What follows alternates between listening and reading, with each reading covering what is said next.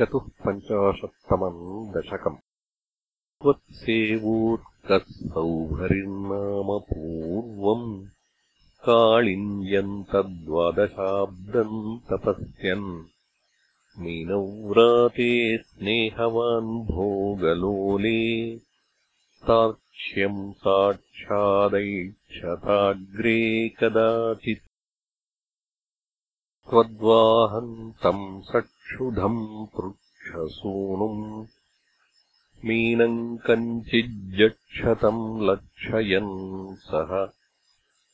सप्तश्चित्ते शप्तवानत्र चेत्त्वम् जन्तून् भोक्ता जीवितम् चापि मोक्ता।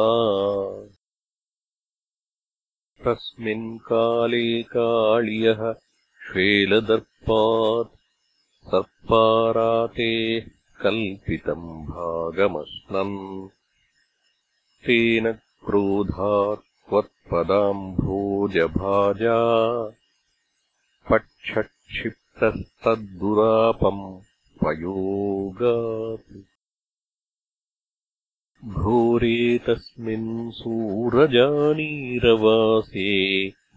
तीरे वृक्षाविक्षताः श्वेलवेगात् पक्षिव्राताः पेतुरभ्रे पतन्तः कारुण्यार्द्रम् त्वन्मनस्तेन जातम्।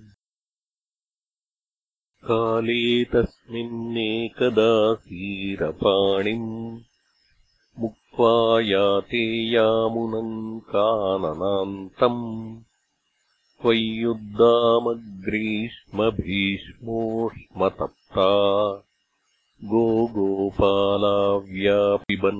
श्वेलतोऽयम्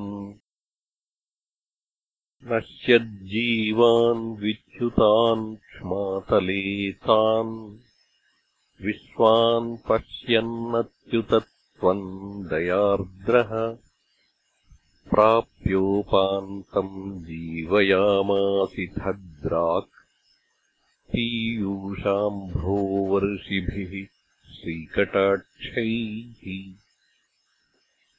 किम् किम् जातो हर्षवर्षातिरेकः? सर्वाङ्गेष्वित्युत्थिता गोपसङ्घाः।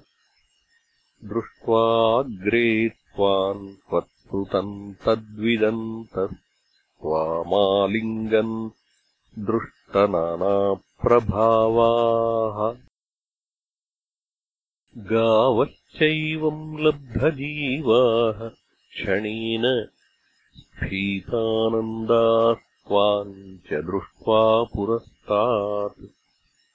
द्रागाववृः सर्वतो हर्षबाष्पम् व्यामुञ्चन्त्यो मन्दमुद्यन्निनादाः। रोमाञ्चोऽयम् सर्वतो नः शरीरे भूयस्यन्तः काचिदानन्दमूर्च्छा। आश्चर्योऽयम् क्ष्वेलवेगो मुकुन्देत्युक्तो गोपैर्नन्दितो वन्दितो भूः।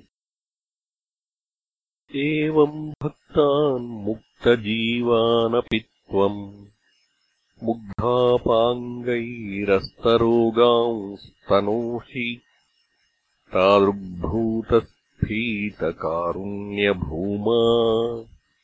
रोगात्पाया वायुगेहाधिवास